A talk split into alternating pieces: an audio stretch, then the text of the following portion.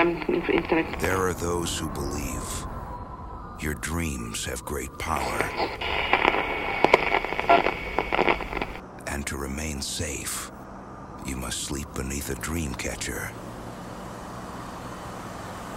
The legend says pleasant dreams pass through the center.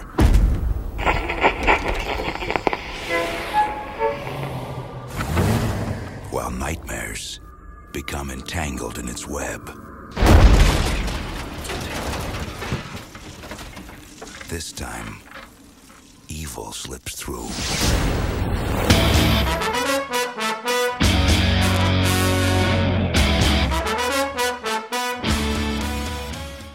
Witamy bardzo serdecznie w kolejnym odcinku podcastu Radio SK. Dzisiaj mówi do Was Hubert Spandowski i jest ze mną Rafał Siciński, czyli SIK. Witam Ciebie bardzo serdecznie. Cześć chłopaki, dobry wieczór, dzień dobry słuchacze i słuchaczki. I jest z nami Marek Wyszyński, czyli Rychu. Cześć Rychu. Cześć panowie, witam wszystkich słuchaczy. I dzisiaj porozmawiamy sobie znów o filmie. Tym razem padło na Dreamcatcher z roku 2003, czyli łapacza snów, który w Polsce funkcjonuje pod e, głupim tytułem Łowca snów. I sobie porozmawiamy właśnie o Łowcy snów ekranizacji książki z 2001 roku. Tutaj będzie trzeba troszeczkę o nazwiskach na początku powiedzieć, ale może zanim o nazwiska, chociaż nie, w sumie od tego moglibyśmy zacząć. E, reżyserem tego filmu jest e, Lawrence Kasdan, czyli facet, który zrobił bardzo dużo dla kina, które kochamy. E, ale jako scenarzysta, nie jako reżyser. Napisał scenariusz do Poszukiwaczy Zaginionej Arki, napisał scenariusz do Imperium Kontratakuje, do Powrotu Jedi, czy też teraz do wznowionych Gwiezdnych Wojen przez Disneya, czyli do Siódemki, mm, Przebudzenie Mocy i do Han Solo, Gwiezdne Wojny Historie. E, jak e, Robert Ziembiński w swojej książce zauważył, Stephen King zniszczył karierę człowieka, który dał nam poszukiwaczy zaginionej arki i Gwiezdne Wojny. Oczywiście tam wytłumaczył się, że trochę sobie żartuje, bo to nie Stephen King zniszczył, ale faktycznie po e, Łowcy Snów Kazdan już w zasadzie nic nie wyreżyserował. Jakiś film zrobił jeszcze jeden, z tego co widziałem, ale nie mam pojęcia, co to było. To była komedia romantyczna o psie. Aha. Ale bez przesady, wiecie, no, ja, ja, rozumiem, że ktoś lubi Wielki Chód. Podejrzewam, że tam chyba mhm. Robert Ziembiński się powołał właśnie na Wielki Chód. Mm, no i jest Silverado, jest Wyatt Earp, francuski pocałunek, tak, ale to nie są jakieś wielkie, wielkie filmy. Umówmy się. To, to, Powiem to... wam, że ja nigdy nie kojarzyłem Kazdana jako reżysera. Szczerze, to o, było, no. było dla mnie trochę zaskoczenie, ja że on ja też nie. był tutaj reżyserem, bo ja Kazdana zawsze kojarzyłem tylko i wyłącznie jako scenarzysta. No, no bo jako scenarzysta zrobił bardzo duże filmy nie? Tak. i pewnie dlatego. Natomiast tutaj scenarzystą z kolei jest William Goldman, który e, w kingowym świadku też zrobił dużo, bo on napisał scenariusz do Misery, e, wyreżyserowanej przez Roba Reinera. I też potem był autorem sztuki teatralnej Misery z 2012 roku, która potem była przetwarzana. Między innymi w 2015 roku dość głośna e, sztuka na Broadwayu z Bruce'em Willisem i Mary Metcalf ale też e, w Polsce Teatr Kwadrat cały czas wystawia e, sztukę właśnie e, przetwarzającą, czy też no, opartą na tym, co napisał William Goldman.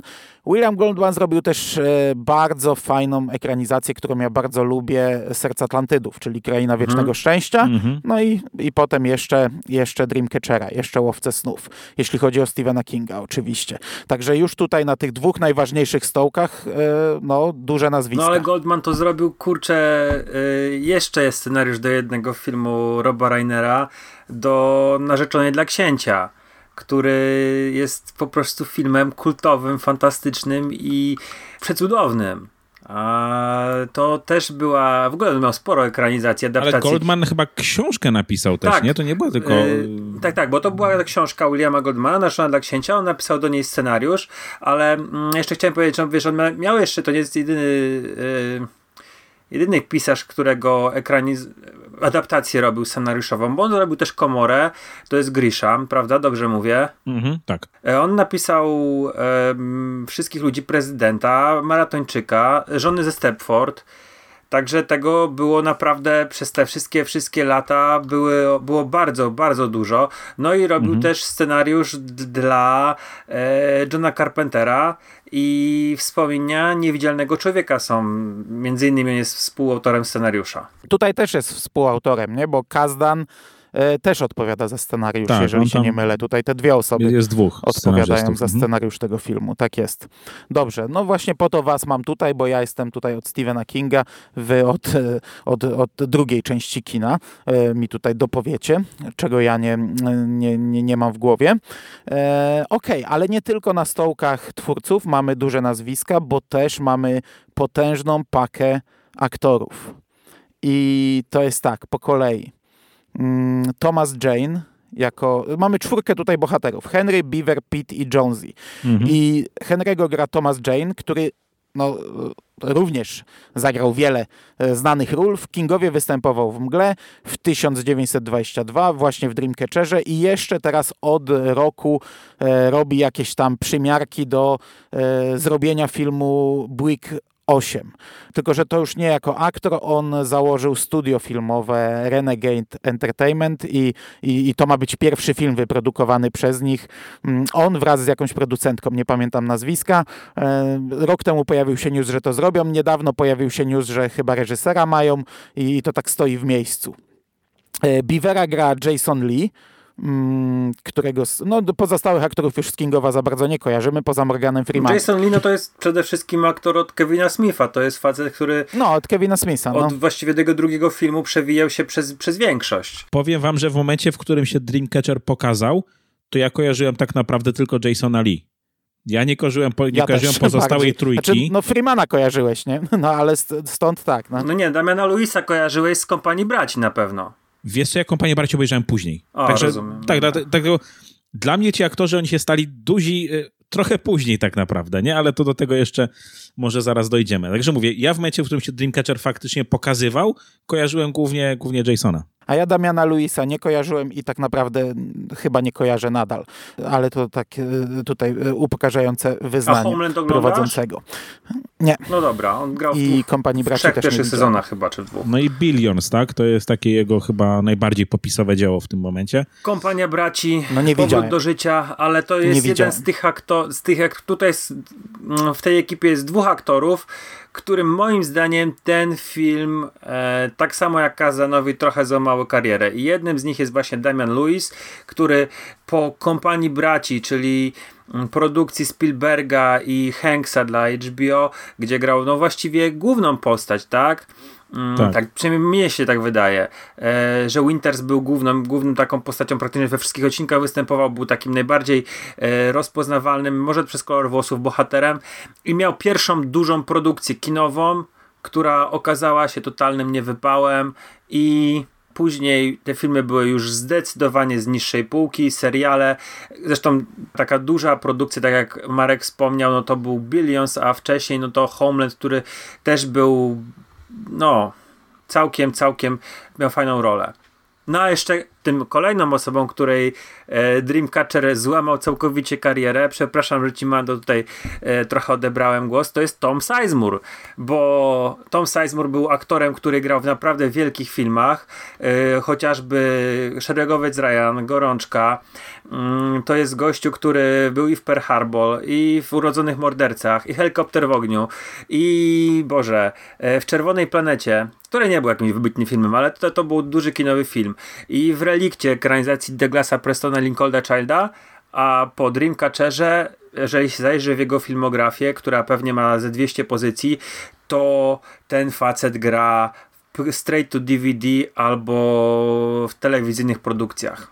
I nie zagrał od tamtej, tamtego czasu w niczym wielkim. W niczym porządnym nawet, o tak.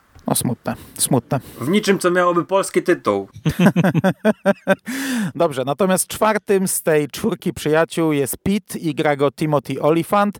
Ja wam powiem, że teraz, gdy umawialiśmy się to, na to nagranie i sobie przeglądałem, tak na szybko, jeszcze, jeszcze jak z wami rozmawiałem, przeglądałem sobie IMDB z tym filmem i zobaczyłem, że tu gra Timothy Olyphant, zupełnie o tym zapomniałem. Byłem w totalnym szoku. Przecież my niedawno z Rychem, z Markiem gadaliśmy o Mandalorianinie, rozmawialiśmy o Olifancie i, i ja w ogóle, wiesz, ja zawsze, zawsze jak gdzieś tam rozmawiamy o Gwiezdnych Wojnach albo czymkolwiek i pojawia się aktor, który grał w Kingu, to zawsze gdzieś tam mówię, że grał u Stephena Kinga. Tutaj w ogóle tego nie pamiętałem. No i byłem bardzo zdziwiony. I, i co zabawne, niedawno rozmawiałem z Michałem Ziają przecież po mm, e, Mandalorianinie i on się nabijał, że ja chyba widziałem tylko e, Santa Clarita Diet z nim, skoro nie kojarzę go z, z ról szeryfa, z ról takiego, wiecie, kowboja, no bo gdy pojawił się w Mandalorianinie, to dla mnie wcale nie była jakaś jego flagowa rola. E, ja mówiłem, że nie, nie, widziałem jeszcze Krzyk 2 i, i pewnie jeszcze inne rzeczy, ale nie pamiętałem. No a tutaj, tutaj też nie gra szeryfa, nie? więc, więc nadal nie kojarzę tego aktora z ról szeryfa, ale w ogóle mi wywiało z głowy, że Olifant grał u Stephena Kinga. No, dla mnie Olifant to jest w zasadzie tylko i wyłącznie Deadwood i cała masa innych rzeczy, które on gdzieś tam wykonywał, ale mówię, ja go przede wszystkim kojarzyłem tylko i wyłącznie z, z Deadwood tak naprawdę. I on dla mnie zawsze będzie, będzie szeryfem, zawsze go będę kojarzył konkretnie z Dzikim Zachodem. Bardziej niż czymkolwiek innym. Natomiast dwa jeszcze y, duże nazwiska to jest Morgan Freeman, który gra tutaj y, pułkownika Curtisa. No jego znamy chociażby z Shawshank, jeśli chodzi o Stephena Kinga, no i z masy innych produkcji. Y, gra tutaj katast no, gra tu katastrofalnie złą rolę. I Donnie Welberg, który gra Dadica, czyli jeden z członków boys bandu New Kids on the Block, brat Marki Marka i aktor, którego możemy chociażby kojarzyć z Piły między innymi, ale też z Dead Silence i, i, i, innych filmów. Ale powiem wam, że ja do niego totalnie nie poznałem, jak go zobaczyłem jako dorosłego Dadica. Jakby wiedziałem, że on tam gra, ale dopiero przy napisach końcowych mnie to uderzyło. No tak, to był on. Totalnie jakby go nie, nie skojarzyłem. Może przez to, że kojarzę do niego z, no, z dużo późniejszych produkcji, gdzie no jednak wygląda trochę inaczej już. Ja jeszcze chciałem tylko powiedzieć, że Morgan Freeman e, wybronił się z Dreamcatchera, bo Dreamcatcher miał premierę jakoś chyba na początku roku, albo już teraz nie pamiętam kiedy, a tego samego roku e, był Bruce Wszechmogący i Bruce Przemogący wchodził chyba do kin dwa miesiące później, gdzie tak naprawdę stał się Bóg w wykonaniu Morgana Freemana taką jego ikoniczną rolą. Znany jest no przede wszystkim no, z, nie tylko z tego filmu, ale z samego memem, jakim się stał ten, na wielu, wielu, wielu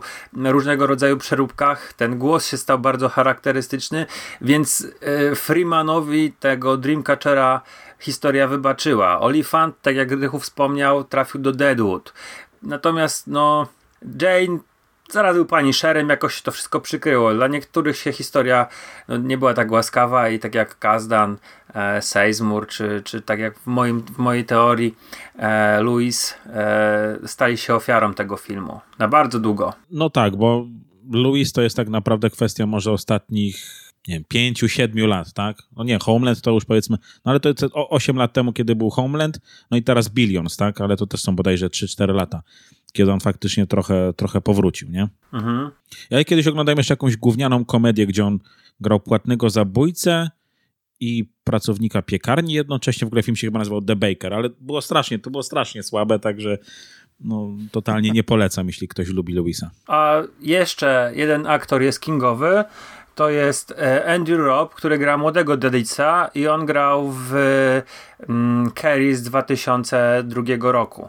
No tak e, gwoli jeszcze takiego histor historycznego obowiązku, e, gdzieś tam sobie grzebiąc po filmografiach aktorów i przeglądając to trafiłem właśnie, że, że on grał u Kinga też również. Ale to nie wiem, kogo mhm. tam mógł grać, bo to przecież mały dzieciak, a Kerry powstała rok wcześniej. E, ale ja też nie mhm. pamiętam za bardzo tej telewizyjnej Kerry, także... No ale faktycznie na to nie zwróciłem uwagi. Dobrze. Film w Polsce do kin nie wszedł premierowo. To, to pamiętam te czasy, bo to już istniało Stephen King.pl. E, czekaliśmy na premierę, ona mm, się nie pojawiła.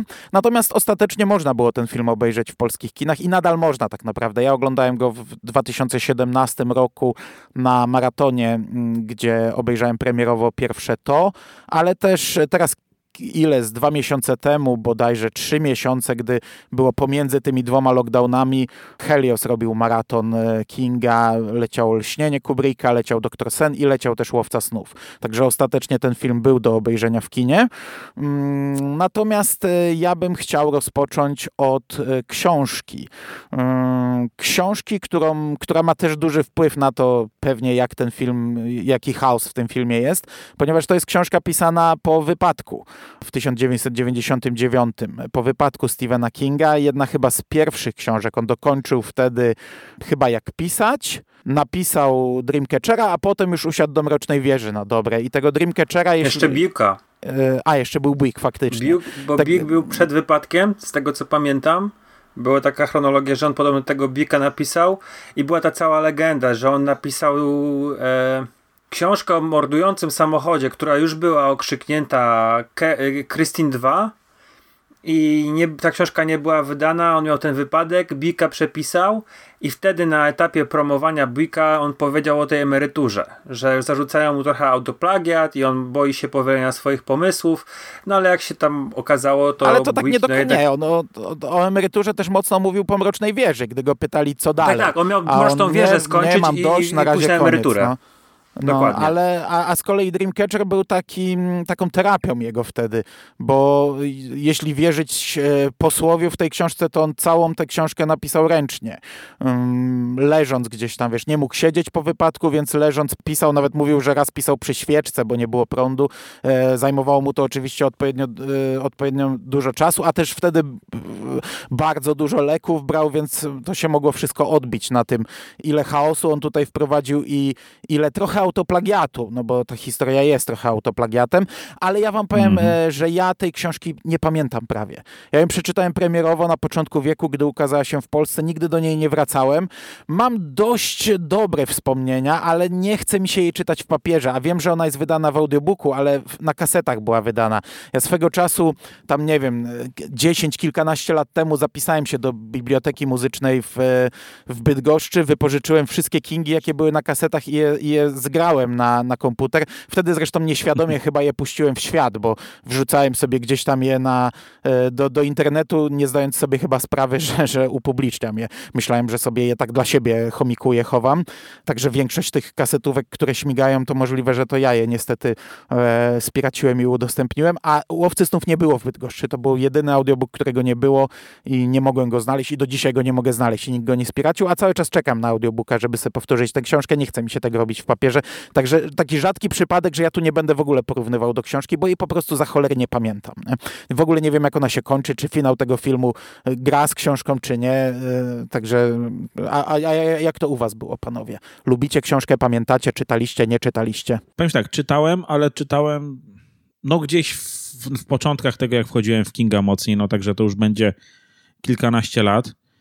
Nie pamiętam, żeby ona mi się jakoś mocno nie podobała, natomiast no, tak naprawdę jedyne, z czym mi się kojarzy Dreamcatcher, to są kosmici wyłażący z dupy, tak? I jakby nic więcej w mojej głowie po tym filmie y, nie zostało. I, szczerze mówiąc, jak oglądałem film, a oglądałem go wczoraj, to dla mnie to było wszystko jakby na nowo. Absolutnie nie kojarzyłem nic poza może jakimiś dwoma motywami z, z całości. Ja czytałem tę książkę chyba premierowo. Ona może nie zaraz przy premierze, ale to była trzecia pozycja Kinga, jaką kupiłem.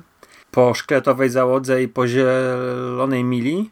Eee, tak, to była trzecia i, i mi się wtedy na tym etapie bardzo podobała, bo to była rzecz taka, no kurczę, świeża. Eee, zbiór nowel, no to były ekranizacje, które, które znałem. Zieloną Milę też znałem i, i Dreamcatcher e, była dla mnie książką no, no, przez długi okres czasu fantastyczną. To też ja, ja niespecjalnie znałem literaturę taką trochę bardziej ambitną, bo wychodziłem z, z, z groszowego fantazy z, trochę science fiction, które tam gdzieś tam liznąłem w bibliotekach. No i tam były rzeczy, którymi byłem zachwycony, przede wszystkim postaciami. Pamiętam dwie rzeczy, że zakończenie jest zupełnie inne i pamiętam, że postać, którą tutaj gra e, Morgan Freeman w książce nazywała się Kurz, tak jak mhm. bohater filmu Kopoli. Mm, czas apokalipsy. Now, Czas tak, apokalipsy. Tak. Też, też miałem przez chwilę zaćmienie. Także te dwie rzeczy pamiętam. Tak jest. No to zostało zmienione w filmie, nie wiem czemu ale no ja bardzo lubiłem przez bardzo długi okres czasu. Zachwycałem się okładką, bo okładka ma takie, to tą, to, to szara taka okładka z tym okiem i odbijający się tam myśliwy. Na początku w ogóle, wiesz, zobaczyłem, nie wiedziałem co to jest, nie wypatrzyłem tam szarego, więc, yy, więc gdy doszedłem do tego, że tam są kosmici, to po prostu załapałem coś na, tej, na tym obrazie. No zachwycony byłem, no, no, no, no to też trzeba powiedzieć sobie wprost, że nie miałem tak naprawdę mm, porównania żadnego, no bo nie miałem tak naprawdę poza tą jedną Zieloną Milą, która była powieścią, którą doskonale znałem z ekranizacji, nie miałem porównania z innymi książkami Kinga, e, szczególnie tymi dłuższymi powieściami, no i później w kolejnymi, kolejnymi książkami zachwycałem się jeszcze bardziej i Chociaż tutaj kłamie, bo ja z biblioteki wypożyczyłem miasteczko Salem jeszcze wcześniej. No ale to i tak niewiele, nie? No to niewielki dorobek, tak, tak. nie? No to rozumiem, nie? E, dobra. E, no, czyli wszyscy podchodzimy z dość podobnym e, bagażem, nie? Książkę czytaliśmy bardzo dawno temu, więc tutaj nie będzie analizy porównawczej jakiejś wielkiej. Natomiast e, to, to, co w książce e, grało, nie grało, raczej nie grało, no to jest tutaj przełożone, no bo e, po pierwsze mamy, to, to jest historia historia czterech chłopaczków, którzy w dzieciństwie zrobili coś, co, co, co odmieniło ich życie, co wpłynęło na, na to, jakimi ludźmi są teraz. Oni uratowali Dadica, Douglasa, chłopaczka mm, upośledzonego, chorego, e, z rąk tam e, takich tam e, bandziorów szkolnych. I to się wydarzyło w przeszłości, my obserwujemy teraźniejszość. I te dwie linie czasowe jakoś tam się lekko przecinają, co już jest bardzo mocno mm, podobne do to Stephena Kinga, szczególnie, że to też jest Derry. Ja wam powiem, że jak oglądałem to w kinie właśnie te trzy lata temu i najpierw obejrzałem to, a potem przeszliśmy do Łowcy Snów i znów było Derry i znów były retrospekcje z dzieciństwa i tam też jest motyw na przykład z plakatem z zaginioną dziewczyną i którą znajdują zresztą w kanale, to, to taki, taki miałem, miałem taki moment, że takie o kurde, nie? Tak bezpośrednio zaraz po to takie bieda, bieda to dostaje troszeczkę, ale Stephen King nawpychał mhm. tutaj mnóstwo rzeczy, bo to jest jedna, jedno, to uratowanie Dadica dało, zespoiło grupę, tak jak była zespo, zespojony klub frajerów, ale tutaj dał im jeszcze supermoce jakieś. Oni potrafią czytać w myślach momentami, oni potrafią jakieś tam, e, ka, każdy z nich ma, ma jakieś magiczne zdolności. E, jeden potrafi odnajdywać rzeczy, rzeczy i gdy na przykład robią, ruszają palcem, to powstaje taki wir w powietrzu, który ich gdzieś prowadzi. E, do tego wrzucił tutaj swój wypadek, bo był chwilę po wypadku, więc wypadek też tutaj się znalazł. Do tego znaleźli się tutaj kosmici i w pewnym momencie mamy normalnie statek kosmiczny kosmitów e, atakujących Ziemię, wojsko, które z tymi kosmitami walczy od dziesięcioleci. E, mamy dziwaczne motywy, które w książce się sprawdzają w filmie, no to dojdziemy do tego, czyli chociażby ten ba E, ten e, bank pamięci, ten, to archiwum pamięci, które mhm. ma Henry w mhm. swojej głowie i on się w tej głowie zamyka.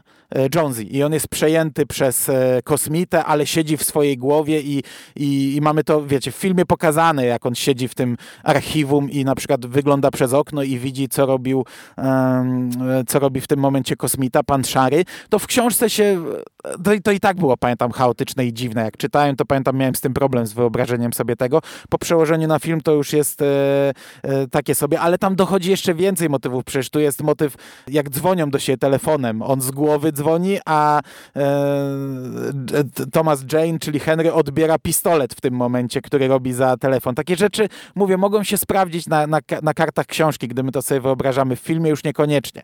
W tym filmie jest e, bardzo duży chaos i bardzo dużo, ale to, tak jak mówię, to ogólnie w tej historii jest chaos. King naprawdę nawrzucał tutaj mnóstwo rzeczy. Dodatkowo e, Monster Movie, potwory przetworzone oczywiście, ale widać inspirację w, w, w filmami, które uwielbiał w dzieciństwie, o, o, o potworach z kosmosu atakujących Ziemię. i to tak tytułem wstępu. Taki chaos tytułem wstępu. E, natomiast gdyby to tak ułożyć i uporządkować, to powiem wam, że początek tego filmu bardzo mi się podobał. To znaczy jeszcze daj, daj moment tutaj słuchaczom, bo mhm. oni ratują Dalica, a wątek współczesny jest taki, że Jonesy ma wypadek i po tym wypadku dochodzi do siebie. Tych czterech przyjaciół spotyka się co roku w domku, w lesie, w górach, w Maine gdzieś. Może to nie są, że powiedziałem góry, tylko to jest Maine. Jadą sobie na polowanie, picie piwka, yy, żartowanie. Jest to taka spora chałupka z sypialniami, żeby to też miał, był, był obraz tego, tego domku. I dwóch jedzie po zakupy do jakiejś tam wioski, a dwóch sobie jest na polowaniu. Nagle pojawia się w krzakach e, jakiś dziwny facet, który jest cały mm, przemarznięty. E, Jonesy wprowadza go do domu, pomaga mu tam e, się ogrzać i razem z Beaverem się tam nim opiekują. Natomiast Pete, wracając z Henrym, trafiają na środku drogi na kobietę, która no, klęczy, nie klęczy, tylko siedzi po turecku na środku drogi. Tak. Mają wypadek. Pete jest y, ranny. Henry postanawia mm, iść do domku, wrócić po nich skuterem śnieżnym. No i zostawia tą kobietę, która jeszcze jest też przemarznięta, ale żywa, zostawia pod opieką Pita. Okazuje się właśnie, że oboje są czymś zainfekowani, no i mamy właśnie inwazję I kosmitów. problemy gastryczne, tak? Tak, gastryczne problemy, tak. I bardzo na... wyraźnie zaznaczone no, nieraz, tak? Zwłaszcza w scenach tak. z tym facetem i nad domkiem przylatują helikoptery, ogłaszają kwarantannę, że są... Zwierzęta uciekają z lasu, jest kwarantanna, tak. odcięcie całego Pojawia się obszaru. taka dziwna narośl, mech taki, który jest... E, taki, czerwony mech, powiem. czerwona replay, no. tak to jest nazwane. E, mhm. W ten sposób e, tak. zarażają się ludzie tym kosmityzmem. Kosmici przechodzą poprzez ten czerwony mech z jednych na drugich i infekują ich, w ich brzuchu rozwijają się kosmici, którzy, tak jak, e, tak jak Rychu zauważył, wychodzą przez dupę, przy wtórze po, poprzedzone wieloma piardami rodzą się ta, ta, tak zwane łasice, czyli takie, takie małe, podłużne z zębami przez pół ciała, chociaż w filmie byli, były przetłumaczone jako padalce, um, które składają jaja i tworzą mniejsze łasice, a potem zapewne rozwijają się i powstają z tego e, ogromne łasice, czyli właśnie pan i cała kompania, która była przy statku. No bo tutaj też w pewnym momencie pułkownik Curtis, który tutaj gra szalonego wojskowego, Morgan Freeman w tej roli, tłumaczy, że oni przybierają postać tych szarych, bo ale tak naprawdę widzieć. tak chcemy ich widzieć. To nie jest ich prawdziwa postać. Ich prawdziwa postać jest, no może to właśnie ta łasica, tak, czy, czy ten mech, bo oni też potrafią tak ewaporować nagle, zmieniać się w taki no, parę czerwoną pył. Więc ciężko tutaj powiedzieć, jak oni naprawdę wyglądają. To jest taki obraz, jaki fundują ludziom po prostu. Ale ogólnie, tak jak teraz o tym myślę, to jest to bez sensu. Jest to Oczywiście. chaotyczne i zaburzone, bo w obcym też miałeś podobny proces, nie? Obcy składali jaja, matka składała jaja, z jaj wykluwały się te, które przyczepiały się do twarzy, które z kolei rozwijały się w człowieku i z człowieka wychodził e, już ten ostateczny obcy, a tutaj jest odwrotnie to zrobione. E, no. człowiek, zara człowiek zaraża się grzybem, z grzyba wychodzi łasica, która składa jaja, a z tych jaj wychodzą łasice, więc, więc nie bardzo ale, rozumiem ale to, drogę to rozwoju tak, tych czerpanie garściami z, z, obcego tutaj jest, jest moim zdaniem mega widoczne, tak? On tak. może trochę to pozmieniał, ale no no właśnie bez sensu replay, tak? Ale to... biologia generalnie kosmitów jest, jest i w książce, i w filmie nie do końca jasna, jest chaotycznie napisana i tutaj to jest, można też zrzucić na to, na tą jego, z jego stan, jego e, wypadek. Stan umysłu po źle to, źle to, jeżeli tak sobie będziemy analizowali, to pod tym kątem to źle to wypada. Tak jest. Chociaż wizualnie powiem wam, że podobają mi się nadal te łasice. Pomimo tego, że nie, minęło 17 lat. Nie, Wiesz co, CGI, nie, powiem ci, że to CGI wygląda ładne, tak koszmarnie. nie. nie. Wcale nie są nie? ładne. Ja w ogóle wyobrażałem sobie, że są, w ogóle mają takie rude futro, jak w książce, bo łasica no to ma futro. A tutaj dostałem już za pierwszym razem, jak to oglądałem. Są ślimaki z zębami, ślimaki no kurde. z zębami, dokładnie. Takie, no nie wiem, eee, tam jak to ładnie Takie ująć? glizdy, no. no. nie wiem, to jest chyba glista, to jest, to, to jest jakby kurde naj, najbliżej, nie? No to jest takie, takie, takie obślizgłe. Tasiemiec, coś takiego, no. No.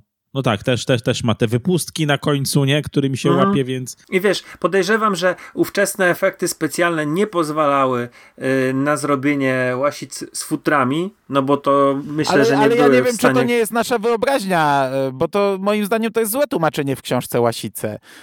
Y, mi się wydaje, że one wyglądały dokładnie tak samo w książce, a, a zostało to przetłumaczone jako Łasice, nie wiem czemu. Wydaje mi się, że nie, no tak jak mówię, w, książ- w filmie pada nazwa Padalce raz. Przynajmniej raz ją słyszałem. Także ja podejrzewam, że to jest kwestia tłumaczenia, bo tam przecież dużo rzeczy w książce trochę leżało z tłumaczeniem. A tak to jak też zastan- prawda. Ale wiesz co, się... nie, powiem wam, że ja to teraz zgooglałem i oni to faktycznie nazywali Weasel. Oni to faktycznie Aha. nazywali Łasica. No, no dobrze. A widzisz. No dobrze, no ale, ale w, mi się wydaje, że one i tak tak wyglądały, chociaż nie wiem, czemu wtedy mieliby tak nazywać. Um, no dobrze, no dobrze. No kwestia tej inwazji kosmicznej i... ale nie, i, tutaj jeszcze dobrze, dobrze. To jest inna kwestia, że tam mi się te efekty specjalne podobały. No ta, no tak, nie, nie można. Tego nie można zostawić. Do momentu, kiedy nie widzi, znaczy to jest tak, do momentu, kiedy mamy ten domek cały w tej, tej, tej, tej, tej narośli mchu w czerwonej replay. To jest, to jest w ogóle i... bardzo fajna scena, jak wchodzi e, e, Henry Thomas Jane i cały dom jest pokryty tym mchem i ten mech rośnie, pokrywa mhm. go cały czas gdzieś tam powoli, a on przechodzi przez ten dom. Ona mi się bardzo podoba, ta scena. E, łasice, tak jak mówię, i jaja dla mnie są spoko. Potem jak widzę pana Szarego, to już tak niekoniecznie, jak widzę tego kosmitę takiego, takiego typowego z tymi, z tymi oczami i z tą twarzą e, kosmity, takiego wiesz, wyciągniętego z, z pierwszego, lepszego wyobrażenia na temat kosmity a już w końcówce, gdy e, jest ta wielka łasica i jeszcze nowy kosmita, to już w ogóle to wygląda brzydko, ale nie, ja powiem tak, że mi się po podobało. E, krwawe sceny, chociaż cały czas masz w głowie te piardy i to, że on wychodzi z dupy. E, I jeszcze takie mo mocno w filmie nie czuć, dlaczego Beaver sięga po wykałaczkę. W książce, pamiętam, to było bardzo fajnie opisane. To była scena, gdzie King nam opisał nauk, jak działa nauk. I, i to rzucie wykałaczek przez Beavera było nałogiem. W filmie tego w ogóle nie czuć. Jest to bez sensu, że on się mhm. schyla po wykałaczkę i łasica go dopada, ale mnie się to, ta, ta krwawa scena w łazience, nawet z tą dziurą w dupie i, i tego faceta z polowania i tej baby, którą widzieli na drodze, dla mnie spoko. Mnie się to podobało. Takie tanie kino science fiction. Mhm. E, krwawe bardzo. Ale jest jeszcze jeden aspekt CGI i to jest e, Timothy Olyphant ze swoim tym wirkiem z palca wychodzącym. Mhm. I e, to było złe. No. To było złe, no nie wiem, znaczy ja, miałem, ja czułem, może się mylę, że ten film nie miał jakiegoś ogromnego budżetu. Wiesz co, mam tutaj e, otwarte Box Office Mojo mhm. i miałem też, e, a propos tego, jak się ten, sobie ten film poradził tak w ogóle, e, budżet był 68 milionów dolarów. Okej, okay, to jak na tamte czasy, to jednak całkiem, całkiem, nie? Mhm. Natomiast skoro jesteśmy przy, przy box office, to film zarobił w Stanach 15 milionów, więc może dlatego Kazdanowi się ta kariera trochę też załamała, bo liczył, mhm. że zrobi ekranizację Kinga i może wybije się na, na, na, na, na większe filmy. Trzeba pamiętać, że on zrobił też Wyatta Earpa trzygodzinnego z, mm, z Kevinem Costnerem. To miał mhm. fantastyczną, fantastyczną obsadę, więc liczył może na jakieś takie, no nie wiem, wielkie sukcesy. Y, na świecie poradził sobie, e, znaczy tak, sorry, 15 e, minut miał otwarcia, łącznie w Stanach zarobił 33 miliony, Natomiast no na tak świecie tak zarobił budżetu, 47 milionów, z czego otwierał się w 22 krajach i w 2006 roku jeszcze miał drugie otwarcie w Japonii i zarobił tam 5 milionów dolarów, 5,5 miliona dolarów. Łącznie wychodzi, że 81 milionów w kinach. No tak, ale jeśli pewnie wziąć pod uwagę koszty marketingu, e, no reklamy, to, tak. to, to on się pory, nie zwrócił, tak? Do tej pory na siebie Absolutnie. zarabia. No. Ale to jeszcze taka ciekawostka, bo nie wiem czy. Ale to jest, to jest z historycznego obowiązku, to trzeba powiedzieć. E, film produkował, znaczy dystrybuował Warner Bros. i do filmu był dołączany. No, my Polacy tego niestety nie mogliśmy obejrzeć, dopiero obejrzeliśmy to na TVN-ie, ale do filmu był dołączany krótki metraż matrixowski Ostatni lot Ozyrysa z tej e, antologii wachowskich Animatrix. Animatrix. E, no w Polsce nie mogliśmy tego niestety obejrzeć. Dopiero na TVN puścili przy okazji premiery y, chyba drugiej części mm, albo Matrixa w telewizji, jakoś tak było to. Ale nie, chyba to była, chyba była druga część. Nie, o, Animatrixy się pojawiały między dwójką a trójką chyba, to jakoś mhm. tak było. Także mi się wydaje, że jak telewizyjna premiera była Matrixa drugiego, to wtedy się pojawił Animatrix jakoś w telewizji. Ten, ten ostatni rok Ozyrysa. Fajne logo Warnera jest na początku. Lubię jak są tak. te loga e, wyjątkowe. Mają specjalne. No, specjalne loga dla danych filmów i tutaj te, śnie, te śnieżno-zimowe logo. Potem jeszcze e, inna wytwórnia, nie pamiętam jaka, też takie charakterystyczne V idzie.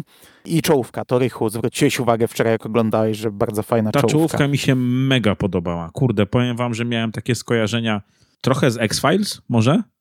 Aha ale i, i, i przez muzykę, i przez, przez, przez montaż, no kurde, ja szczerze byłem zachwycony tą czołówką, jak ją zobaczyłem. Rzadko się teraz w ogóle widzi czołówki w filmach, może poza Bondami i tego typu rzeczami, nie? Ale naprawdę, ja to zobaczyłem i kurde, ona mi się cholernie podobała i wizualnie, i, i muzycznie, to kurczę, naprawdę świetna rzecz. No mnie się skojarzyła z czymś innym na X, mi się skojarzyła z X-Menami. To jest 2003 rok. Brian Singer, o którym rozmawialiśmy w poprzednim naszym podcaście, w X-Menach miał bardzo podobną czołówkę. Nie wiem, czy mm -hmm. pamiętacie, ale, to, ale filmy Marvela właśnie z tamtego okresu miały e, po X-Menach, miały bardzo podobne czołówki i Dreamcatcher dla mnie to jest żynka, nie wiem, z Hulka, nie, Hulk Angali to był chyba później, w 2004 chyba ale, nie drugi? O, albo drugim, no nieważne, mhm. ale na pewno z X-Menów. Ja miałem takie skojarzenie, że ona po prostu wpisuje się w ten nurt, który w latach, początku lat 2000 obowiązywał i, i tak to wyglądało u mnie. No ale jak wyszło ładnie, to może się wpisywać w nurt. Mhm. Ale czekajcie, mówiliście o tym logo Warnera, a tam chyba to logo Castle Rock też było też, w Śnieżycy, jezioro nie? Zama też, zamarznięte też. chyba mhm. było. No, no, Coś mi się tak no, wydawało. też fajna rzecz. No. A mm, ten film też miał bardzo ładny plakat, też mi się podobał. Ogólnie pamiętam, że e, podczas promocji te, te grafiki promocyjne bardzo ładne były. E, no i jeśli już mówimy o wizualnej stronie filmu, no to bardzo fajnie wypada zima. I, i zdjęcia tego lasu i ten domek, to, to, to, to jest fajne. Ta, ta, e, te zdjęcia z góry lasu, ja lubię takie rzeczy jak. A tutaj jeszcze mamy no, ten padający była kręcona w studio, ale część była śnieg. chyba kręcona normalnie w plenerach. Mhm. To jak oni jadą tym samochodem e, i widzimy tę drogę z góry, e, kamerę, e, nie, nie, wiem czy ruchomą, ale sam śnieg padający za kamery e, dodaje ten ruch, widzimy samochód, to naprawdę bardzo fajna scena, bardzo mi się podobały te lasy zaśnieżone. Mhm. Także jak mhm. ktoś lubi, jak ktoś lubi filmy zimowe, śnieżne, to tutaj e, ma ucztę, bo to wygląda ładnie. Dobrze, i teraz, e, bo, bo co, co, co, Dobra, chcę? i tak dochodzimy do 50 minuty mniej więcej filmu, albo 40, gdzie wszystko jest mhm. w miarę wierne książce, wszystko jest w miarę okej, okay, bo mamy tą, tę scenę, gdzie pojawia się łasica, Beaver próbuje sięgnąć po wykałaczkę, zostaje mu tam odgryziony kawałek twarzy, umiera. Jonesy zostaje opanowany przez Szarego, tu się Szary pojawia i mamy lekki już zgrzyt. I ten film dla mnie do tego momentu był całkiem ok. Nie był jakiś rewelacyjny, ale był całkiem, całkiem ok. I, i nie był dla mnie problematyczny. Do, do, tego momentu było wszystko w porządku. Wierzyłem w, w, ich przyjaźń, mimo że takie jak pewne rzeczy mm, przystały, znaczy nie przystawały do tego, co były w książce. Właśnie ty powiedziałeś, nie było wytłumaczone tych wykałaczek. Mm, jakiegoś takiej małej ekspozycji. Może trochę mi niepotrzebna no. była jakaś tam jedna, druga scena, ale generalnie było wszystko w porządku. Tak zaczyna się problem, pojawia się wojsko, pojawia się Morgan Freeman, pojawia się Tom Sizemore i Boże, ten film robi się tragiczny. Dla mnie był nie do zniesienia, był głupi, chaotyczny, popadający w absurd, karykaturalizm. Nie wiedziałem, szczerze, ja tą książkę czytałem, oglądałem go za pierwszym razem ten film i mi ten film podejrzewam się wtedy podobał. Nie pamiętam, nie pamiętam do końca swoich odczuć mm, po emisji. Nie miałem też oceny wystawionej na, na Filmwebie, więc nie, nie byłem w stanie tego nawet zweryfikować. Natomiast w tej chwili towarzyszyło mi e, olbrzymie poczucie zażenowania oglądając resztę tego filmu. Znaczy, wiesz co, jeszcze dwa zdania o pierwszej połowie, bo ona, tak jak powiedziałem, mi się podobała, ale tak jak mówisz, tam trochę z ekspozycją mogło kuleć, bo my dostajemy te cztery sceny wprowadzenia każdego z bohaterów, gdzie o każdym dowiadujemy się, że on ma jakieś moce nadprzyrodzone. Nie wiemy skąd to jest, nie wiemy jak to działa to jest takie sobie, ale potem ja kupiłem w miarę tę przyjaźń. To są tacy dość naturalni bohaterowie, sobie fajnie żartują, widać, że się lubią, widać, że mają jakąś tam przeszłość, widać, że ten Dadis coś znaczy, nie wiemy co, nie? To się dopiero później wyjaśnia. I mnie się to całe ich spotkanie w domku całkiem przyjemnie śledziło, gdy oni sobie tam żartują, gdy, gdy wiesz, opowiadają jakieś sprośne dowcipy, e, mają te swoje powiedzonka, które tutaj też są ważne, e, takie, taki swój własny język, ale zgadzam się, od momentu najpierw pojawia się pan Szary i to już wygląda wygląda źle. E, Jonesy trafia do tego swojego archiwum pamięci w głowie, to wygląda też źle i jest w ogóle bez sensu, jak on tam biega i nadal kuleje w tej głowie i, i żeby zabrać myśli musi pobiec e, kawał dalej i wejść do pokoju i zebrać kartony i pobiec z powrotem do tamtego pokoju, żeby się zamknąć, a kosmita w tym momencie w głowie go goni tymi samymi ścieżkami, e, co jest po prostu kretyńskie. Mm, I, ja się zastanawiam, czemu ten kosmita nie mógł na niego skoczyć? Ale czemu po prostu się nie skoczył? zmaterializował? Jesteśmy w umyśle. To nie działa tak, że musisz przejść drogę z punktu A do punktu B. Jesteśmy w umyśle. Znajdujesz się po prostu w tym miejscu, a potem w innym. A, a Jonesy kulejący dla podtrzymania dramaturgii, pchający ten, e, ten wózek, tą taczkę z kartonami, to już w ogóle głupota, nie? W głowie kuleje nadal. Do głowa mu kuleje chyba.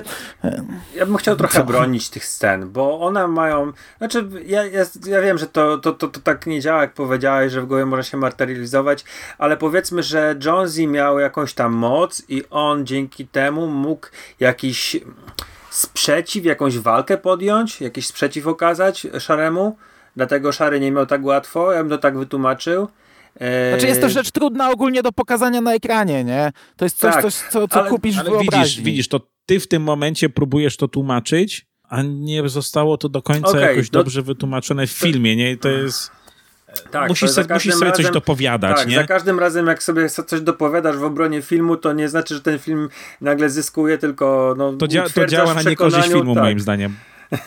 utwierdzasz słuchaczy w przekonaniu, że jednak coś nie gra. Ale jest jedna fajna scena, kiedy on obserwuje przez okno, jak szary zabija. I to jest moim zdaniem fajnie pokazane, że był obserwatorem tego, co się działo z jego ciałem. To znaczy, miał świadomość, widział wszystko, ale ciało się rządziło, bo rządził ktoś inny. Mhm. No, to, to, to było dla mnie bardzo w porządku pokazane i ja, ja, w tym momencie no, jestem w stanie w jakiś tam sposób wybaczyć to, że, że to było głupie, jak on biegał z tymi skrzynkami, zamykał się w pokoju, ten, ten obcy nie mógł tam się dostać. No ale to mówię, ja to sobie tak tłumaczyłem, znałem książkę, pamiętałem, że też on ma tę moc jakąś, dostał cząstkę mm, od Dadica i, i tak sobie to wytłumaczyłem. Mhm. Ale powiem wam, że mnie jeszcze jedna rzecz w tej całej sytuacji z panem Szarym bawiła. Nie pamiętam, jak to było w książce, ale chodziło o akcent, tak? No, Damian, tak? Damian Lewis jest, jest, Bryt, jest, jest Anglikiem, tak? On chyba jest z Londynu konkretnie. No i w momencie, w którym on mówi jako pan Szary, mówił po prostu z takim idealnym brytolskim akcentem. To było tak leniwe zagranie. Co ja mogę zrobić? Okej, okay, przestanę się silić na amerykański akcent, tak? I już jestem kosmitą. No, dla mnie w tym momencie ten film się robi taką trochę, kurde, autoparodią, nie? I, i niezamierzoną. Ale w ciekawostkach wyczytałem, e, chyba na Internet Database, że Louis udawał akcent Malcolma McDowella. Ni cholery. Ale to też takie to... jest e, nawet nie tylko leniwe, ale nie podoba mi się, bo e, mnie się podobało, że oni się tak znali dobrze, ci przyjaciele. I oni, wiesz, potrafili spojrzeć i nie wiem, w oczach zobaczyli, że coś jest nie tak z tą postacią, nie? A tutaj to jest tak e, łopatologicznie. On mówi po, po, z brytyjskim akcentem i kto ty jesteś? Ty nie jesteś Jonesy, nie? A, bardziej bym to wolał widzieć, tak wiesz, odczuć, że, że oni czują, że to nie jest on, a nie, że to jest mi pokazane mm, na ekranie. Ale to taka pierdoła, taki drobiazg. Ja oglądałem no, lektorem ja mam wrażenie, tak że właśnie tutaj średnio. widać, że Kazdan, kurde, no kuleje jako reżyser, tak? Gdzie po prostu musisz niektórymi rzeczami dostać po pysku, żeby je e, załapać czy zrozumieć, że on miał problemy z tym, żeby ci pewne rzeczy pokazać, mając no, całkiem niezłych aktorów, bo umówmy się, żaden z nich nie jest aktorem może jakimś wybitnym i wtedy nie byli wielkimi nazwiskami, ale naprawdę, naprawdę byli nieźli, nie? I moim zdaniem to on nie umiał wykorzystać tego, że miał czwórkę naprawdę fajnych, tak jak powiedziałeś, fajnych, zgranych y, kolesi w tych początkowych scenach. To czuć. To jest ten jeden, jeden, jedyny moment, gdzie czuć, że to jest naprawdę, kurde, zgrana paczka. Ja się najgorzej poczułem, że dostałem popysku, jak jest taka scena, gdy mamy retrospekcję i oni szukają tej zaginionej dziewczyny. I, i Dadic mówi tym, tym swoim językiem takim, e, mhm. że urywane zdania. I, i on, e, i, i wtedy e, Henry pyta go, mm, czy mamy uratować świat, a on mówi, nie, to później, pan Szary. I wszyscy rozumiemy, o co chodzi, bo, bo określenie pan Szary już padało wielokrotnie w tym filmie, a potem, gdy nagle Henry e, uświadamia sobie, że on już wtedy wiedział o panu Szarym. Mamy jeszcze raz pokazaną tę retrospekcję, żebyśmy przypadkiem y, wiedzieli, że żebyśmy przypadkiem to sobie nie zapomnieli w głowie, że to mhm. padło. I ja w tym momencie mówię, Jezu, nie, no to już naprawdę jakby bardziej mi się łopatą tego do głowy nie da wciskać. Mhm. A słuchajcie, jak wam się w ogóle podobały te retrospekcje?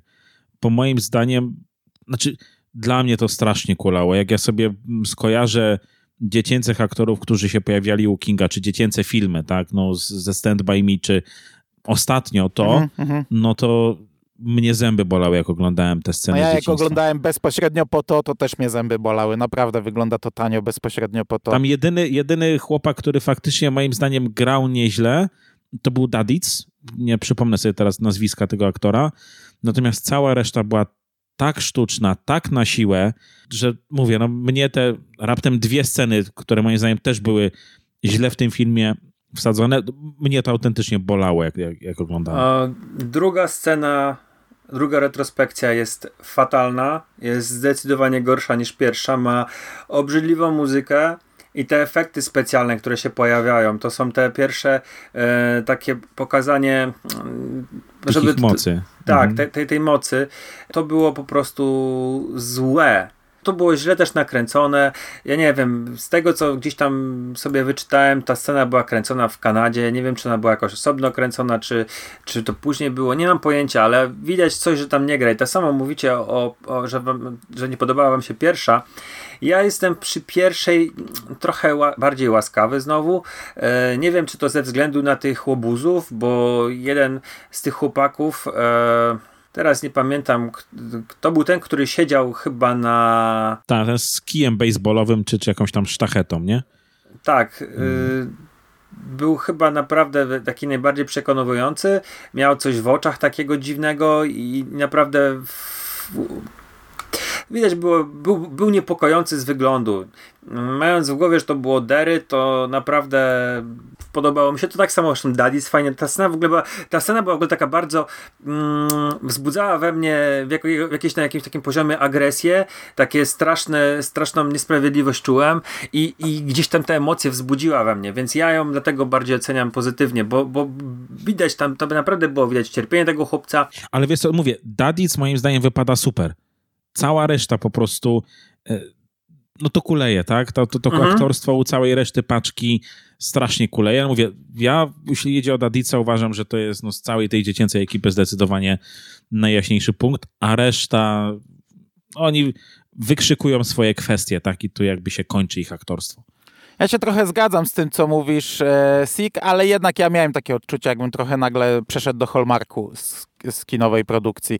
Mhm. E, i... Nie, będę, nie będę bronił jakoś tego specjalnie, ale mówię, no ta pierwsza mi się trochę bardziej podobała.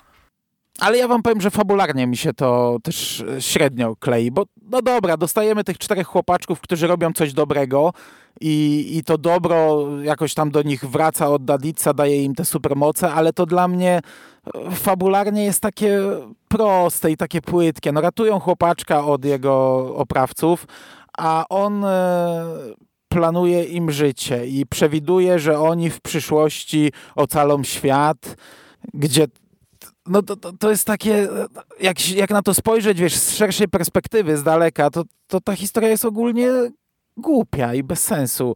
Historia życia tych, tych bohaterów. No, jest. Znaczy, wiesz co, już nie pamiętam jak to było to w książce. To takie, wiesz, takie tak, proste ale... i tanie, weź porównaj sobie, ale weź porównaj sobie 100, gdzie oni, e, nie wiem, łączą się, jakaś moc ich łączy, żeby walczyć z tą e, siłą, mhm. potem zapominają, potem wracają, no to jest taka naprawdę dużo głębsza, dużo większa historia.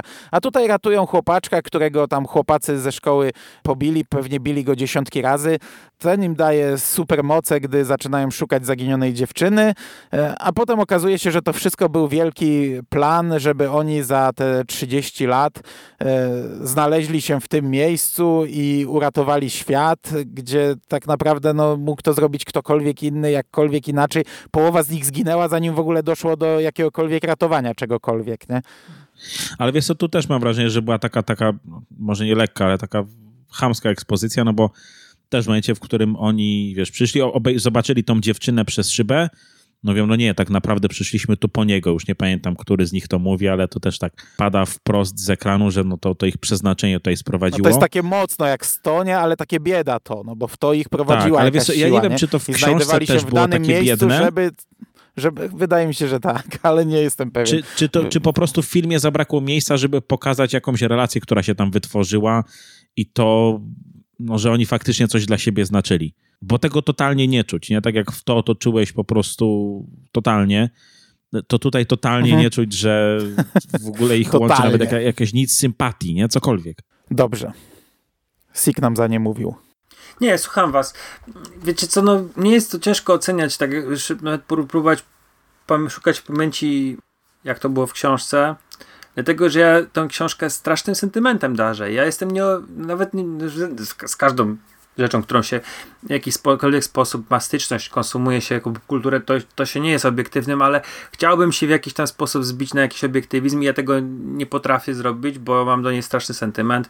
Nie, nie, nie chcę tutaj się wypowiadać na ten temat, bo w, w, mojej głowie to w książce była ta przyjaźń super opisana i w ogóle i ta książka miała jakoś bardziej była logiczna, miała ręce i nogi, ale teraz jak słuchałem Mando, to tak rzeczywiście to, to jest głupie, tak delikatnie mówiąc.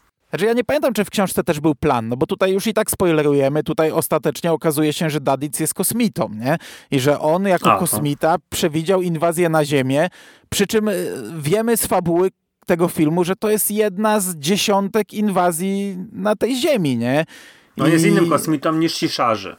On jest innym, ale co on przewidział, że przecież gdyby ich tam nie było, tej czwórki w tym lesie, to pan Szary by się nie wydostał, bo nie, nie złapałby Jonesiego, a on się wydostał przez Jonesiego, czyli żołnierze by po raz tam, nie wiem, pięćdziesiąty w swoim życiu dokonali, e, wystrzelali wszystkich kosmitów, koniec, nie ma w ogóle historii. A tutaj Dadic przewiduje, że oni kiedyś uratują świat, a tak naprawdę oni, jeden z nich jest Stwarzają zagrożenie, tego, nie? No, stwarzają które, które zagrożenie swoją obecnością. Dwóch z, nich, dwóch z nich ginie, zanim cokolwiek zrobią, jeden z nich stwarza zagrożenie i, i tak naprawdę ten jeden z nich prawie doprowadza do tego zatrucia Ziemi. Drugi z nich stawia opór, ale to nie on pokonuje ostatecznie kosmitę, tylko właśnie Dadic, więc w ogóle po cholerę on tę czwórkę przygotował do tego i jakoś tam, nie wiem, zakładał, że oni coś zrobią, to, bo przecież sam e, Henry, Thomas Jane, on nie uratował świata.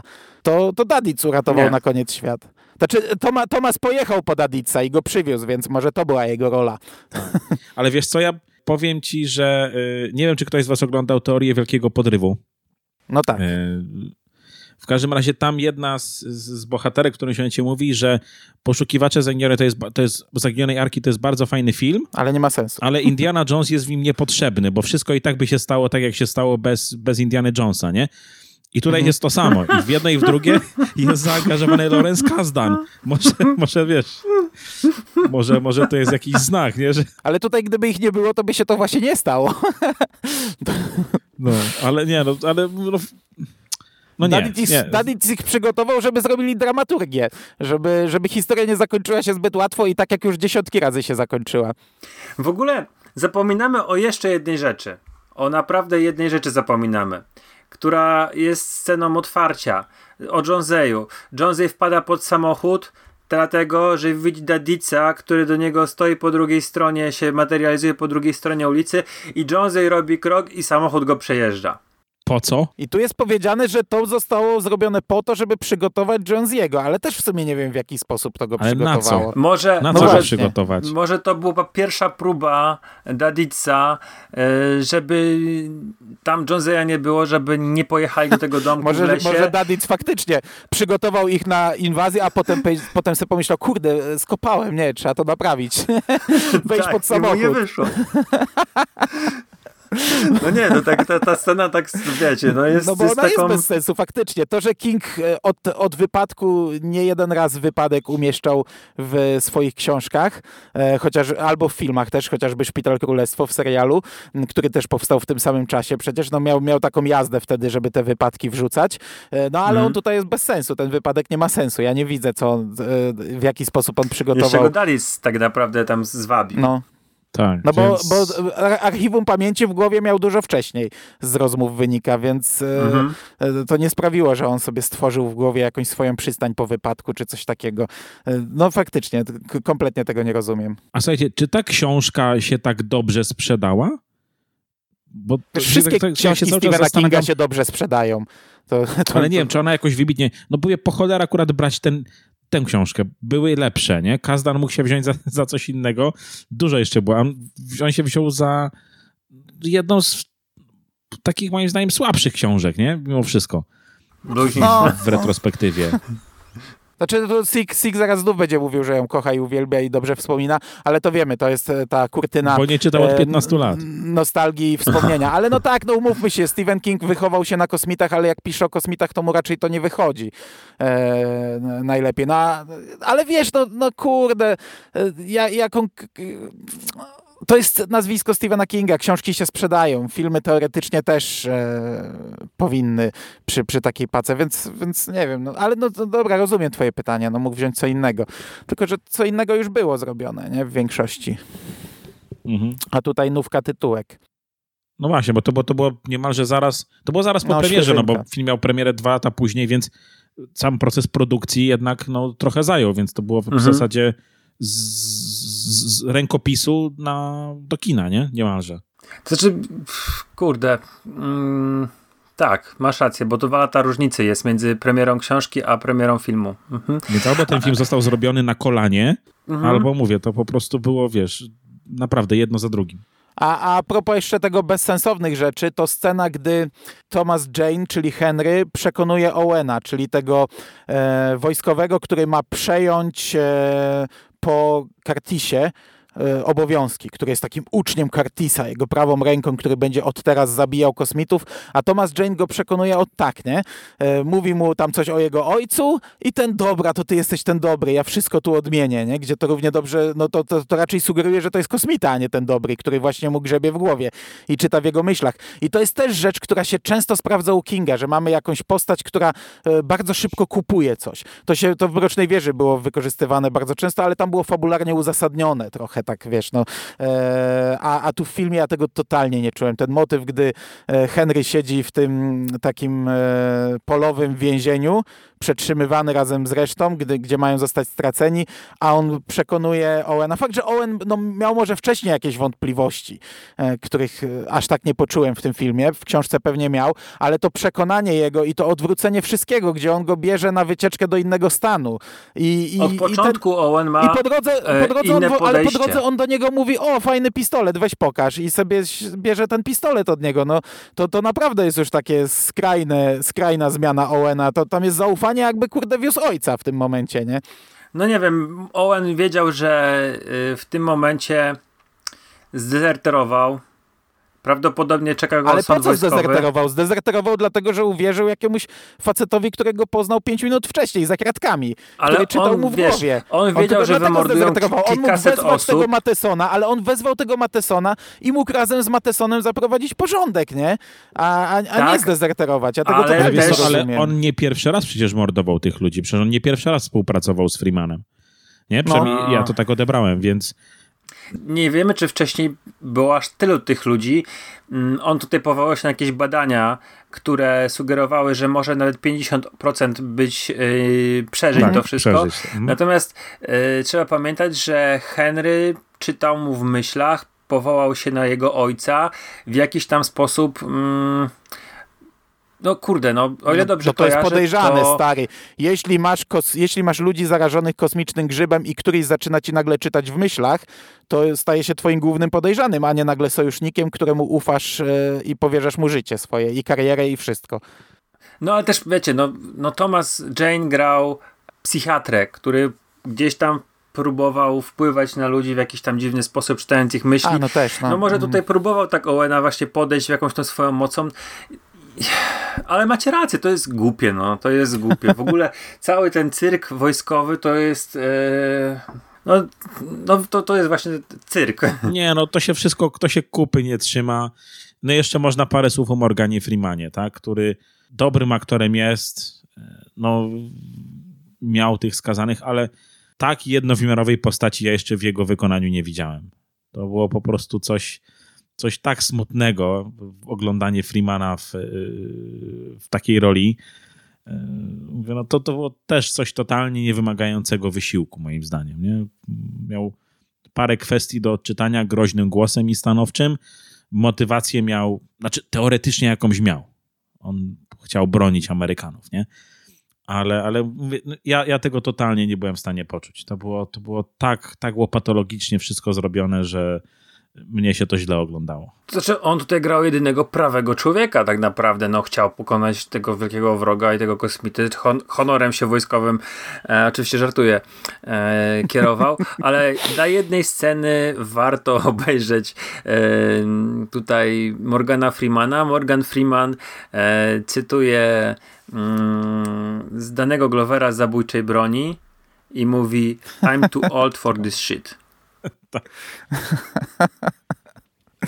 No ale ja się tutaj zgadzam z Richem, że to jest postać, która powinna budzić u nas emocje takie naprawdę bardzo negatywne, postać niebezpieczna, e, postać u władzy, nie? która powinna być takim, nie wiem, Gregiem Stilsonem niemalże, tylko w, mundurze. Ale właśnie, kurde, mówię, że to był on miał w oryginale nazwisko Kurz. Ewidentnie był inspirowany czasem tak. apokalipsy. Tak. No to kurde, gdzie Kurz z czasu apokalipsy? Tam to był Bóg, psychopata. No nie wiem, to kurde, no. A, a Freeman? No proszę cię, no to, to w ogóle. Y, ja rozumiem, King był w złym stanie, czerpał z czego się tylko da, nie? Po prostu z każdego filmu, z każdej książki, komiksu, jaki przeczytał, wziął coś, wrzucił to do jednego wora, wyszła mu jakaś tam powieść, no ale... On nie lubi nawet tej powieści. Ja pamiętam taki wywiad, gadaliśmy e, chyba o tym kiedyś, że... Ale to może nie King... lubi, bo, bo kojarzy ją z bólem, ale na przykład Ziembiński w swojej książce napisał, że King bardzo lubi ten film. No, wiesz, my tutaj wielokrotnie ale wiesz, King rozmawialiśmy na temat jego jest... gustu filmowego. I to jest, y, Ziembiński w tej książce też pisze, że to jest najgorsza wysokobudżetowa ekranizacja jego. Więc y, to jest film, który spotkał się z porażającą krytyką. Jak sobie zajrzałem na, e, oczywiście na Metacritic, nie ma jakiejś tam szalenie wielkiej ilości um, recenzji. Jest y, 38 krytyków, wypowiedziało się. Film ma e, 35 ocenę na 100. I tylko trzy oceny są te średnie, natomiast mhm. cała reszta jest y, chyba negatywna. Mm, zaraz sobie jeszcze raz to, sobie to otworzę, bo tak te moje notatki y, nie są y, nie są jakieś y, specjalnie ro, rozbudowane w tej kwestii. E, natomiast, oj przepraszam, mamy 7 pozytywnych, 16 negatywnych i 15 15 tych Mówisz takich... o krytykach, tak? Czy o, o, o krytykach, o krytykach. krytykach. Mhm. E, ocena userów jest na poziomie 5. 5% czy 5 na 10? 5 na 10. To wysoko. Uważam, że to i tak wysoko jak na ten film.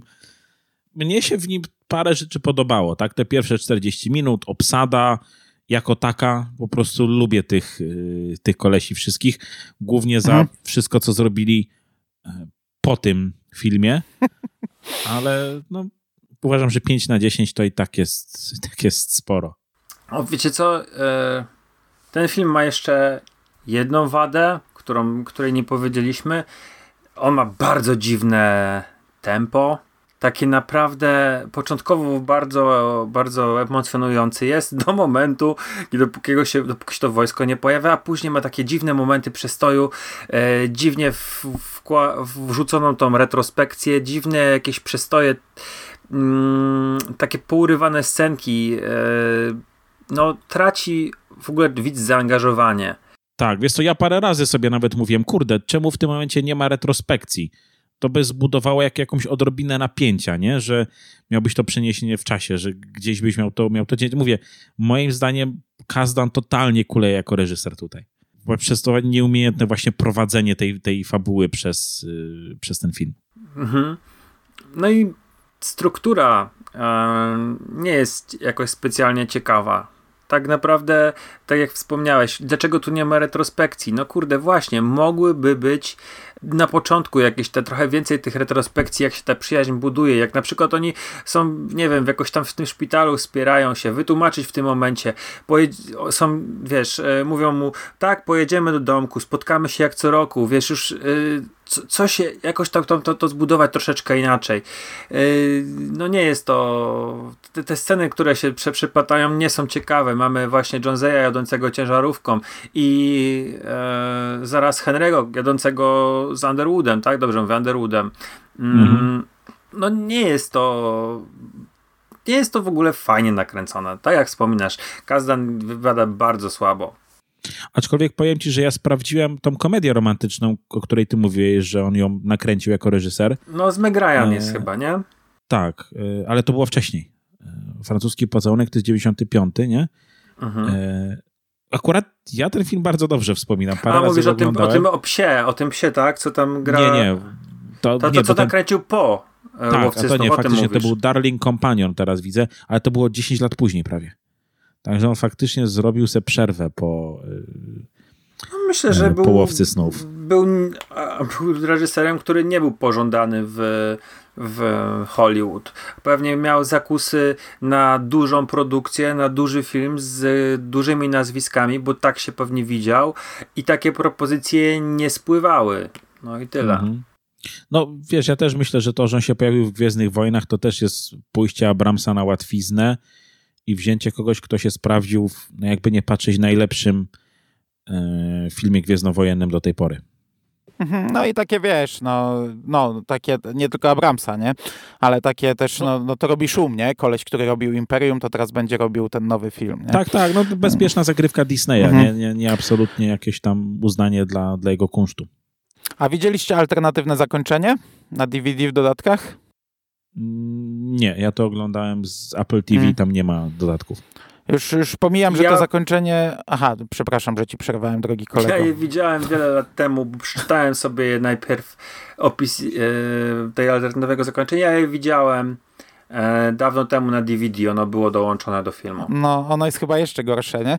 Już, już pomijam, że to oryginalne jest bardzo złe, a, a ja wam powiem, że cały czas się zastanawiam nad tym, nad tą drogą przenoszenia e, obcych i ja naprawdę nie rozumiem tej końcówki. Dlaczego oni chcieli łasice wrzucić, te małe łasiczki wrzucić do tej wody? Czemu nie mogli, nie wiem, po drodze pozarażać tysiąca osób czerwonym grzybem, e, czerwoną replay, albo nawet w tym miejscu, w tej, tutaj, w tym miejscu, czemu on nie zaraził Owena i i, e, i Henry'ego, czemu grzyba nie wrzucił do tej wody. Naprawdę nie rozumiem, jak ta łasiczka miała dalej zarażać ludzi w tej wodzie, ta jedna, która tam miała wejść. Ale w ogóle to jest, to jest strasznie naiwne, bo znaczy, wiesz, e, bo on wystarczyłoby, gdyby nie musieli do tego akurat ujęcia wody, oni wystarczy, żeby wybili przerębel w jeziorze i, i ten, ta, ta łasica by tam wpadła do tej wody. No ale, ale jak ta łasica miała zarazić wodę? To grzyb zarażał ludzi. Czerwony grzyb zarażał chyba, nie? No, ale może, a, może, a może w wodzie ta łasica robiła coś innego, o czym my nie wiemy. No ale to wystarczyło pojechać na jakiekolwiek jezioro, a, a nie konkretnie po jedno ujęcie, które... Po filmie, ujęcie nie? wody, jakaś, wiesz, jakaś taka... No, no, z tego, co mnie się orientuje, to takie ujęcia wody są jednak obiektami strzeżonymi. Ale, ale to zresztą to nie był ich plan, ty. Oni, oni, oni tam przypadkiem się znaleźli, bo e, Jonesy spowodował wypadek samochodowy, także to był taki plan mhm. awaryjny. Nie wiem, co mhm. oni w sumie planowali, gdzie oni planowali jechać, ale tak sobie jechali i jechali e, i coś planowali zrobić. E, natomiast no, oryginalne zakończenie jest takie, że wchodzi Dadic, mówi Scooby-Doo, where are you i zamienia się w kosmitę. Znaczy daje się zabić, najpierw w sensie tak połowicznie zabić, zamienia się w kosmitę i jakoś zabija tego kosmitę sobą, łączy się z nim i wybuchają. Natomiast... Białaczka a... go zabija. Aha, to tak. Poważnie? To biała. nie, nie, chyba nie. Bo Dadic jest w końcówce no filmu tak. chory na białaczka. No ale to chyba nie to, nie? Yy, nie wiem w sumie, no nieważne, no ale no dobra, no jest kosmitą, czyli miał jakiś plan. W tym filmie, no chociaż, chociaż to ma, e, ta klamra ma ręce i nogi, to, chociaż cały środek nie ma, ale okazuje się być kosmitą, więc przewidział to w jakiś sposób. E, natomiast w e, alternatywnym zakończeniu on wszedł, powiedział też Scooby-Doo, where are you? I zaczął kręcić palcem i z tego palca strzela ten promień dziwaczny i zabija kosmitę. No i to jest koniec z kolei. A Dadit zginie też w jakiś sposób, bo ostatnia scena jest na, nad grobem Daditsa, e, gdzie mm, Henry i Jonesy e, stoją nad grobem jego. Jej też nie ma już później w ostatecznym filmie. Tutaj taka ciekawostka jeszcze, bo w książce Daditz miał zespół Downa. Natomiast tutaj no, gra go po pierwsze aktor no, zdrowy, grał pośledzonego i tak wiecie, w, w obecnej politycznej Teraz by to nie przeszło. To by nie przeszło. Hmm. Oczywiście to się śmieje, ale tak z ciekawo- taka, taka ciekawostka, yy, bo, bo może nie, nie, nie mm -hmm. wszyscy, którzy czytali książkę, e, wiedzą o tej ekranizacji. Tak, tutaj, tutaj Daniel Wahlberg gra no, jakiegoś tam zakamuflowanego kosmita, który jest po prostu takim, objaja się jako chłopiec z jakimiś tam dziwnymi e, opóźnieniami. I naprawdę nie rozumiem, jaki sens miało jego życie na naszej Ziemi które miało doprowadzić do jednej z dziesiątek inwazji e, kosmitów. Naprawdę tego nie łapię, nie rozumiem. Jest to bez sensu. Ten film jest naprawdę bez sensu. Ja, ja jestem w stanie przełknąć, e, e, no jestem nawet w stanie przełknąć tego taniego Freemana, chociaż wyjdzie mi tyłkiem jak łasica. Jestem w stanie przełknąć to wojsko, tę taniość. Ja, ja, ja, ten film nawet, nawet bezboleśnie trochę oglądałem. No, no zdawałem sobie sprawę, że to jest, że to jest słabe, że to jest kiepskie, że ten film naprawdę łapie zawiechę po, po tych 50 minutach i robi się zły, ale i tak do końca obejrzałem tak w miarę bezboleśnie, ale ten film nie ma sensu, on dla mnie nie ma sensu, ta historia jest totalnie bez sensu i to, i to jest dla mnie najgłupsze w tym filmie. E, no, a to jak widać to jest jedna z wad, bo, bo to dla mnie ona jest najgorsza, dla was co innego i, i, i tak wyszedł tam taki trochę w sumie e, wysokobudżetowy potworek. Zgadzam się. Dobrze, panowie. No. To już chyba nic tutaj e, więcej e, nie, nie, wyciągniemy z tego. Jakie fantastyczne ja propozycje macie na następny podcast? Chociaż nie, ostatnio mówiliśmy o dobrym filmie, więc dobre też się zdarzają.